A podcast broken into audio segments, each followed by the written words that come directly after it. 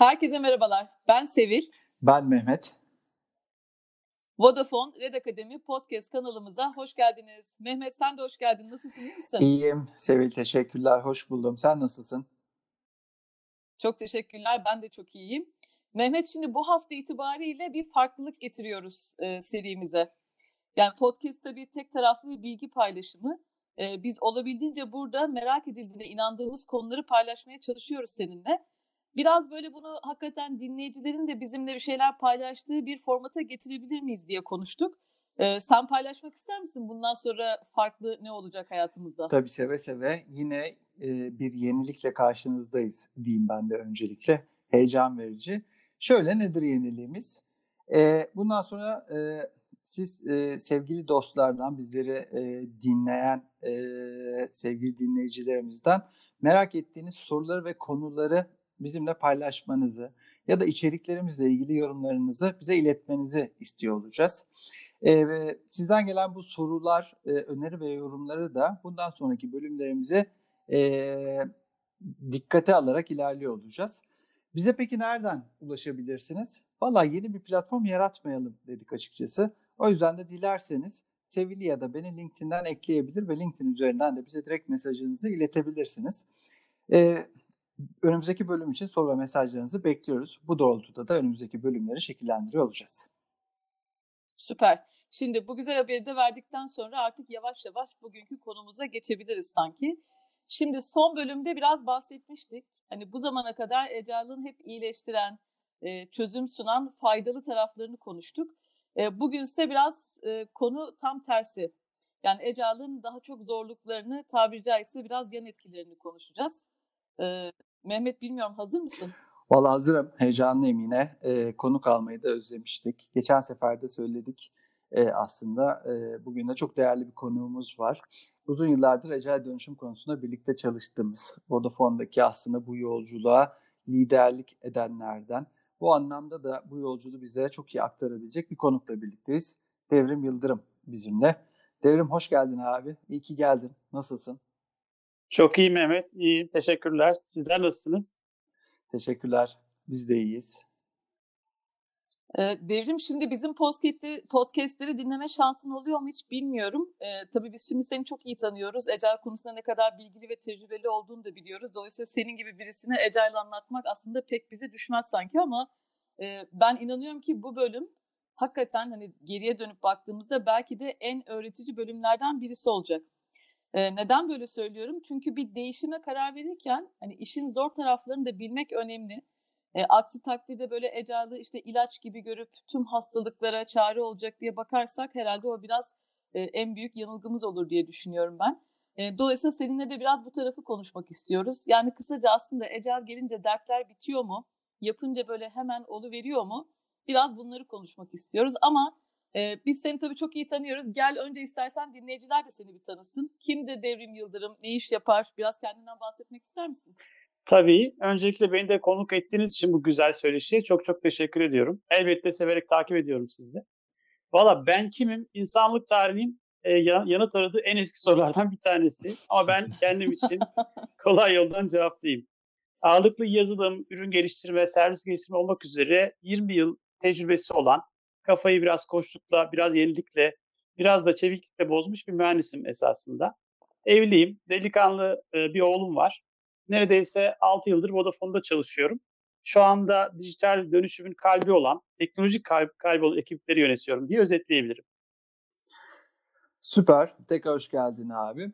İstersen ufaktan başlayalım. Ben e, öncelikle merak ediyorum. Ecel ile ilk tanışman nasıl oldu? Ne düşündün, ne hissettin? Biraz samimi olarak soruyorum bunu. Gerçekten şunu merak ediyorum. Ya nereden çıktı şimdi bu iş diye hiç düşünmüş müydün? Vallahi Mehmet epey oldu. Sanırım 10 yıldan fazla oldu. e, o zaman katma değerli servis ekiplerini yönetiyorum. Ekibimde analistler, yazılımcılar, uçtan uca herkes var. E, bir organizasyon kuracağız. Ecel çalışacak. Bize çalışan verle geldiler bana. Niye ki dedim. Odak art olacak, verimlilik artacak, her şey çok güzel olacak dediler. İlk tepkim şu oldu. E herkesi bir odaya toplarsan, bir de iş verirsen, e verimlilik zaten artar. O zaman ecane ne gerek var? Abi harika bayıldım bu yoruma. Ee, aslında daha önce de duyduğum bir tepkiydi. Ee, o yüzden de hani gerçekten beni de bir geçmişe götürdü bu tepki. Ben bunu ilk duyduğumda herhalde bir 10-12 sene önce bir, böyle bir tepkiyle karşılaşmıştım. Bir kurumun CTO'suyla bir toplantıdaydık. İşte ben de 20'li yaşlardaydım ve hani ya Agile okey ama yani zaten herkesi bir odaya toplarsan bu iş zaten başarılı olur gibi bir yorum duyduğumda ben de gayri ihtiyari şunu sormuştum kendisine. Ya madem bu kadar net bu işin avantajlı olduğu niye öyle çalışmıyorsunuz diye sormuştum. Derin bir sessizlik olmuştu. Galiba pek hoş karşılanmamıştı bir yorumum diye düşünüyorum. Peki Devrim benim bir sorum var. Şimdi e, hani Agile dönüşümde kendi adına karşılaştığın ilk zorluk neydi? Yani şöyle düşünüyorum ben biraz. İşte sonuçta bu bir zihniyet değişimi diyoruz ya. Organizasyonun dönüşümü ve oradaki engelleri konuşmadan önce belki de biraz devrimin yani birey olarak senin aslında kendinle başlayalım isterim. Senin kendi dönüşümün nasıl oldu, ne tarz zorluklar yaşadın bize anlatabilir misin biraz? Sevi sen de biliyorsun değişim her zaman zordur esasında. İkna olmakla başlar, istemekle başlar. Zorla yapılacak bir şey değildir. Zorlarsan insan bu sefer mış gibi yapmaya başlar. O nedenle ben de önce ikna oldum ve bolca da ikna etmem gerekti. Sonrası ısrar etmek, inandığınızı savunmak. Ama bu da yeter değil. Olmazsa olmaz olan şey onu da sonucunu göstermek. O nedenle pilot yapmak, küçük küçük başlamak, azar azar etki alanınızı büyütmek eh, ve ilerlemek. Ben sanırım yazılım kökenli geçmişim, gerek biraz koştuk merakım, gerek yenilikçi konularda çalışma alışkanlığım, hızlı sonuçlardan motive alma ya uygun bir yapım dolayısıyla bence kolayca adapte oldum. Peki abi şöyle e, bir de baksak, e, şu andaki durumdan geriye dönüp bir baksak, daha farklı bir e, Ecel ile tanışma tasarlar mıydın? E, Valla önce herhalde e, kendime böyle peşin peşin peşin fikirli olup e, yargılama bir deneyimle derdim. Ama o zamanlar konu gerçekten çok yeniydi. Ben de işimi gerçekten iyi yaptığıma inanıyordum. Ee, sonra Agile tanınca aslında bazı yönetim pratiklerimin ne kadar paralel olduğunu fark ettim. Örneğin evet adı backlog değildi. Yönteme Kanban kesinlikle demiyorduk. Daily sprint falan bilmiyorduk ama yönetim takımında her sabah yarım saat bir araya gelip tek bir liste üzerinden işlerin üzerinden geçiyorduk. Peki e, Gelelim biraz da organizasyonların ecel dönüşümüne devrim. Şimdi malum bir şeyleri yıkıp yenisini inşa etmek aslında her zaman zaten stresli bir süreç. Hele de böyle yıkmaya çalıştığın şey çok büyük, böyle köklü alışkanlıklı olan bir yapıysa herhalde bu herkes için çok daha zor bir hale gelebiliyor. Şimdi sen özellikle hani kurumsal bir şirketin ecel dönüşümünü ele aldığımızda en ön plana çıkan zorlukların ne olduğunu düşünüyorsun? Nelerden bahsedebiliriz en öncelikle? Valla Sevil şirket elbette ne kadar köklüyse, ne kadar büyük bir mirasın üstündeyse böylesine de yine köklü bir değişiklik elbette çok sancılı olacaktır. Agile çalışanla ilgili süreçler, finansal süreçler, karar alma süreçleri, proje yönetim süreçleri, aklına ne, gel- ne gelirse aslında hepsinde köklü değişiklikler yapmayı gerektiriyor Agile. Uzun yıllardır işletilen, ihtiyaca göre optimize edildiğine inanılan süreçleri böyle temelden sarsacak değişiklik yapmak da çok kolay değil. Hem sadece süreçte değil, çalışma ortamlarımızı, çalışanlarımızın kullandığı teknolojik araçların da buna uygun olması gerekiyor. Sen de biliyorsun. Ayrıca beraberinde özellikle müşteriye dokunan süreçleri sadeleştirmeyi de bu işin içerisine katmamız ve kesin kararlar almamız gerekiyor. Eğer yaptığınız her şeyi yapmaya devam ederseniz, aynı şekilde yapmaya devam ederseniz, Agile size bence çok daha pahalıya mal olacaktır. Yüzde yüz katılıyorum abi sana. Bazen enteresan bir şekilde e, şirketler ya da bireyler, kurumlar e, bir şeyleri değiştirmeden yani taşın altına belki de elimizi sokmadan çevik olabilmeyi bekleyebiliyorlar. Çok da mümkün değil bu tabii ki. Yani nasıl değişeceğiz? Bir şeyleri değiştirmeden değişebilmek ne kadar saçma bir cümle olur. O yüzden yorumlarına da katılıyorum. Özellikle süreç, araç yani mekanik yapıda da birçok şeye tekrar bakmak ve yeniden kurmak gerekiyor. Fakat şunu da merak ediyorum. Onu nasıl görüyorsun abi? Dönüşebilmek için bu mekanik yapıdaki değişiklikler yeterli mi? Yani organizasyonu değiştirdim. E işte Scrum uygulamaya başladım. Süreçlerimi yeniledim. E, yapışkan kağıtlarımızı aldık duvarlara asmaya başladık. Hani fiziksel dünya öyleydi. Şimdi elektronikte bunun elektronik versiyonlarından tabii bahsetmiş oluyorum. Ya bu yeterli mi? Dönüşümün insan ve kültür boyutu da var. Sen o tarafı nasıl görüyorsun? Kesen, kesinlikle yeterli değil. Ee, insan ve kültür bence birinci sırada geliyor. Saydıklarım aslında ilave olarak hiyerarşik yapıdaki sorumlulukları e, bir kenara bırakıp artık takıma delege etmeye başlamak çok çok önemli. Takım içindeki hiyerarşiyi kaldırmak, takıma oyun alanı vermek de söylendiği kadar kolay değil.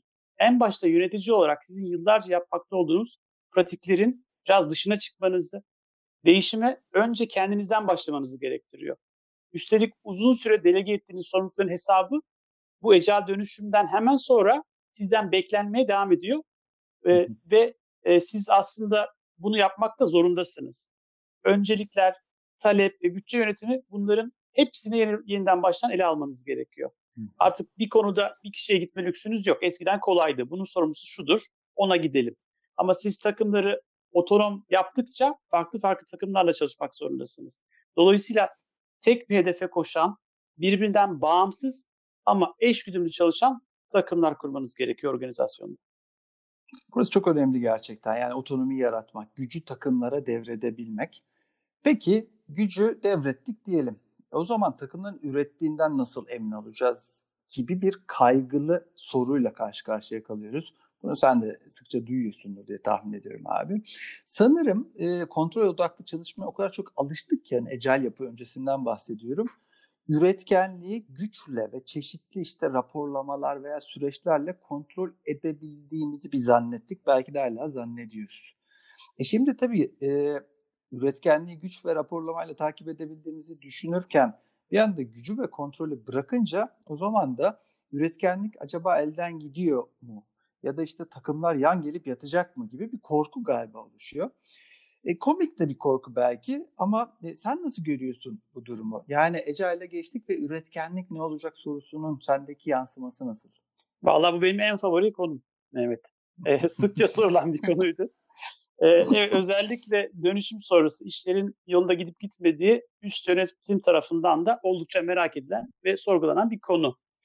Şimdi gerek takımların otonomisi, gerek sabit ve sürekli yarattıkları maliyet. Çünkü bir takım kurdunuz ve artık o takımın maliyeti var.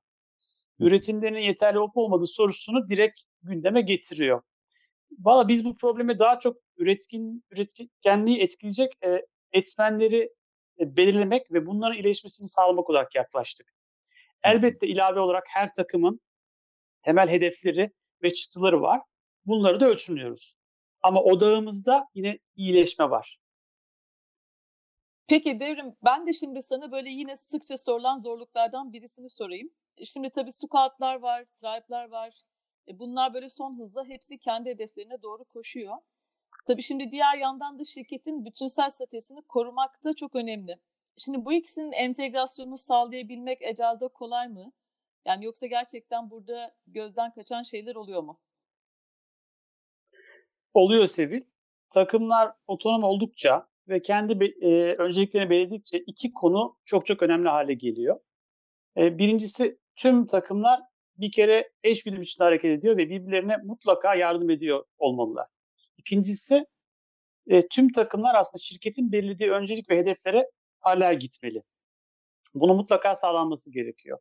Eğer dönüşüm şirket içindeki bütün takımları karşılamıyorsa yani ecai olmayan başka takımlarla da çalışmak gerekiyorsa o zaman bu eşgüdüm iyice zor ve kompleks hale geliyor. Sonucunda evet e, elbette gözden kaçan şeyler oluyor. Ama bence en önemlisi bunu erken yakalayıp belirlenen bu hedeflere ve önceliklere göre takımların hızlıca adapte olabilmesini sağlamak. Biz bu maksatla aslında organizasyonda sadece buna destek olan bir takım roller belirledik ve bazı arkadaşlarımızı bunun için görevlendirdik ve çok da faydasını gördük. Süper. Aslında belki buna bir ufak ekleme de şu olabilir sanki abi bilmiyorum katılır mısın? Artan şeffaflık ki bu kolay değil. Şeffaflık hani adım adım yıllardır artmaya çalışıyor. Şeffaflık arttıkça da aslında e, bir de e, yediğimiz yemekleri küçük lokmalar halinde yeme alışkanlığını arttırdıkça yani MVP de diyoruz. Belki hem sistemin akışkanlığı hem de bu şeffaflıkla birlikte hizalanma, belki sistemsel birbirine bağımlılıklarını bu anlamda daha iyi yönetimde söz konusu olabilir. E bunun bir boyutu da sanki şu uzmanlıklar. E, yani ecel çalışmaya baktığımızda işte uzmanlığa önem veren uzmanlıkların da değer yarattığı, değer katma değerini göstermiş olduğu bir çalışma şekli. E, bu anlamda o dönüşümü, geçişi nasıl görüyorsun onu merak ediyorum. Çünkü aslında baktığında bir önceki çalışma şeklimizde uzmanlıklar önemsiz veya değersizdi diyemem ama biraz da o piramit yapısının getirdiği kariyer basamaklarında işte bir müdür olma yolunda ilerlerken ister istemez bazı kişiler de uzmanlıklarını kısmen yitirerek yola devam ediyordu. Bu piramit yapının getirmiş olduğu bir şey maalesef. E bu açıdan bakarsak eğer ecel dönüşümde bu uzmanlıklar ve derinleşmenin ön plana çıkmasına yarattığı ekstra sancılar var mı? Kesinlikle var Mehmet. Evet, hemen hemen her takımın içerisinde kritik görevde olan arkadaşlarımız oluyor. Benim tüm takımlara tavsiyem evet derinlemesine olmasa da mutlaka birbirlerinin yaptıkları ile ilgili bilgi sahibi olmaları ve hatta bazı arkadaşları geçici bir süre için olsa bile diğer diğerlerinin yerine görev alacak şekilde yetiştirmelerini de bekliyorum. Şu örneği veriyorum. Örneğin kek pişiren bir takımımız var. E, bir arkadaşımız fırın yakmayı biliyor diye o takımın kek pişirmemesini ben kesinlikle anlayamıyorum. Anlayamıyorum. evet, güzel bir analoji oldu derim. Evet, akılda kalıcı. Peki derim şimdi sen bir teknoloji liderisin, çok da güçlü bir lidersin. Ee, belki hazır seni burada bulmuşken şunu da sormak iyi olabilir diye düşünüyorum ben. Squat'ların içinde business ve teknoloji ekiplerinin bir arada çalışmasını hakikaten sen nasıl yorumluyorsun? Yani bu nasıl bir zorluk ya da nasıl bir fayda getiriyor? Yani aslında tabiri caizse en çok e, kime yaradı bu iş? Belki biraz bununla ilgili görüşlerini de paylaşabilirsin. Elbette başlarda bu yanlış anlaşmalar çok çok oldu. Neticede iki farklı tecrübeden, iki farklı tarzdan, hatta bence iki farklı sözlükten konuşan arkadaşları hadi bir araya gelin ve birbirinize anlaşın diye tek bir e, yapının içerisinde koyduk. Bu çok kolay olmadı. E, bu arada bence açıkçası izlemesi de oldukça keyifli bir süreçti. Ama kısa zaman sonra takım üyeleri birbirlerini anladıkça birbirlerini işaret etmek yerine daha fazla çözümün parçası oldular. Bunu keyifli gözlemledim. Bugün birçok teknoloji terimleri iş birimlerinden gelen arkadaşlarımız artık biliniyor. Tam tersi teknoloji çalışan arkadaşlarımız neyi niye yapıyoruz, bunun müşteriye ne faydası varı en baştan görüyorlar. Bu da aslında takımların her şeyden önce doğru öncelik, doğru çıktı üzerinde çalışmasını sağlıyor. Süper. Bence çok önemli bir konu. Herhalde ne kadar ortak dil kullanıyorsak biraz birbirimize o kadar yakın sanıyoruz, yakınlaşıyoruz demek. O zaman da herhalde tek hedefe koşmak eski modellere göre çok daha kolay oluyordur diye tahmin ediyorum. Peki şimdi sistemin genel zorluklarını konuştuk. Çok sağ bütün paylaşımlar için de bence hakikaten çok ufuk açıcı oldu. Biraz da gel insan boyutuna e, çıkalım. Sence insanlar bu sistemin içerisinde en çok ne de zorlanıyor? Hakikaten neler çok zor geliyor? Belki biraz onunla ilgili düşüncelerini de paylaşırsan dinleyenlere belki farklı açıdan da biraz yaklaşmış oluruz. Tabii Agile'ın zorlukları da var. Öncelikle e, getirdiği disiplin bazılarımız için çok yorucu, yoğun görünebilir diye düşünüyorum. Bir kere her gün bir araya geliyorsunuz. Verdiğiniz sözlerle ilgili arkadaşlarınıza bir anlamda rapor veriyorsunuz ve bu kolay değil. E, ikincisi takım içerisinde uyum yakalayamadıysanız geçmiş olsun. bir proje takımındaysanız belki haftada bir idare edebilirdiniz ama Agile'da uyum içerisinde çalışmanız gerekiyor ve her gün bir araya geliyorsunuz. Bunun dışında pek çok konuda kendini yenilemeniz, geliştirmeniz gerekiyor. Yani tek bir bilgiye sahip kalarak ecel takım içerisinde yer almak bence uzun vadede pek mümkün değil Sevil. Şimdi hazır dinleyicilerimizi ecel dönüşüm konusunda korkutmuşken biraz da belki e, bu zorlukları nasıl yönetebiliriz tarafından bakabiliriz. İş, iş, işin esprisi bir yana şeye katılıyorum. Sürekli gelişimin birey bazında ve organizasyon bazında yansıması gerekiyor. Gerçekten onu duydum abi senden de yüzde yüz katılıyorum. Ama şunu da merak ediyorum. E, bu zorlukları daha yönetilebilir ya da kolaylaştırabilir bir hale getirebilir miyiz? Yoksa biraz da ya bu sistem böyle yani gülü seven dikenine katlanır gibi mi bakmalıyız bu duruma? Valla Mehmet zorluk varsa gelişme vardır. Öncelikle bunu söyleyeyim. Bir kere değişimlerin hemen hepsinde yaşanır böyle şeyler. Önemli olan kendinizi bence hızlıca adapte edebilmeniz ki biz kültür olarak bunu çok kolay sağlayabiliyoruz. Öncelikle basitlik ve sadeleşme. Yine söylemiştim küçük başlama, bol bol deneme yapma.